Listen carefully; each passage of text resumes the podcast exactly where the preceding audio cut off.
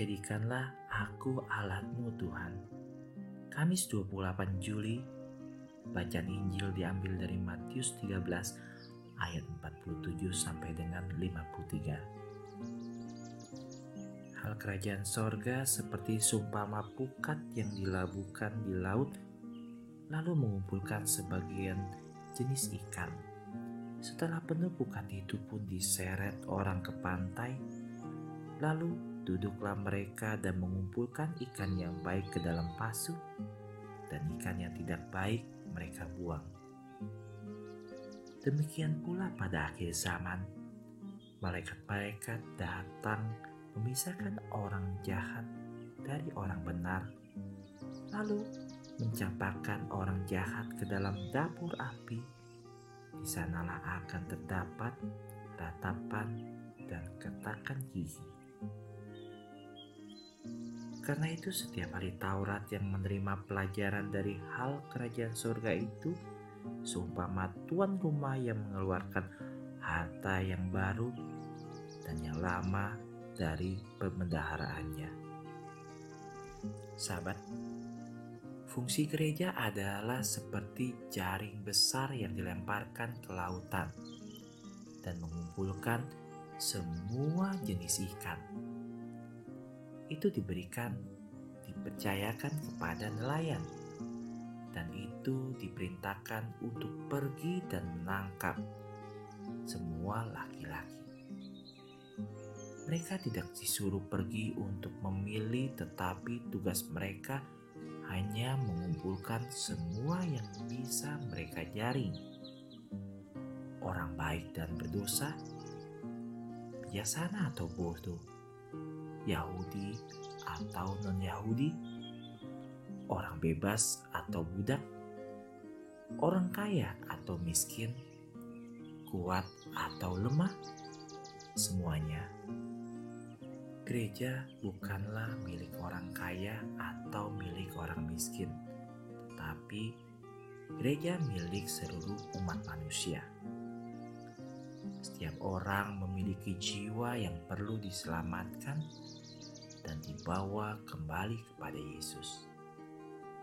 Rasul tidak bisa cerewet saat memilih orang yang ingin dibawanya ke pantai tempat Yesus menunggu. Perintah Yesus jelas, Pergilah ke seluruh dunia dan beritakanlah Injil kepada seluruh ciptaannya, pada setiap orang. Yesus mempunyai misi untuk menyelamatkan semua orang, bukan untuk menghakimi mereka seperti yang dikatakan Santa Teresa. Jika kita membuang waktu untuk memilih mereka, kita tidak punya waktu lagi untuk mencintai mereka. Orang-orang Kristen seperti serat yang jalin ke dalam jaring gereja semuanya bersatu sama lain. Kita mengumpulkan jiwa-jiwa bagi Tuhan. Bersama-sama kita menyerupai jaring. Ada cerita sahabat. Suatu ketika Santa Bunda Teresia menerima sepucuk surat dari seorang pria. Dia menulis, Kemarin sore dia berencana untuk diri. Kemudian secara tidak sengaja dia menemukan biografi Bunda Teresia. Bosan dan tidak ada lagi yang bisa dia lakukan. Akhirnya dia memutuskan untuk membacanya.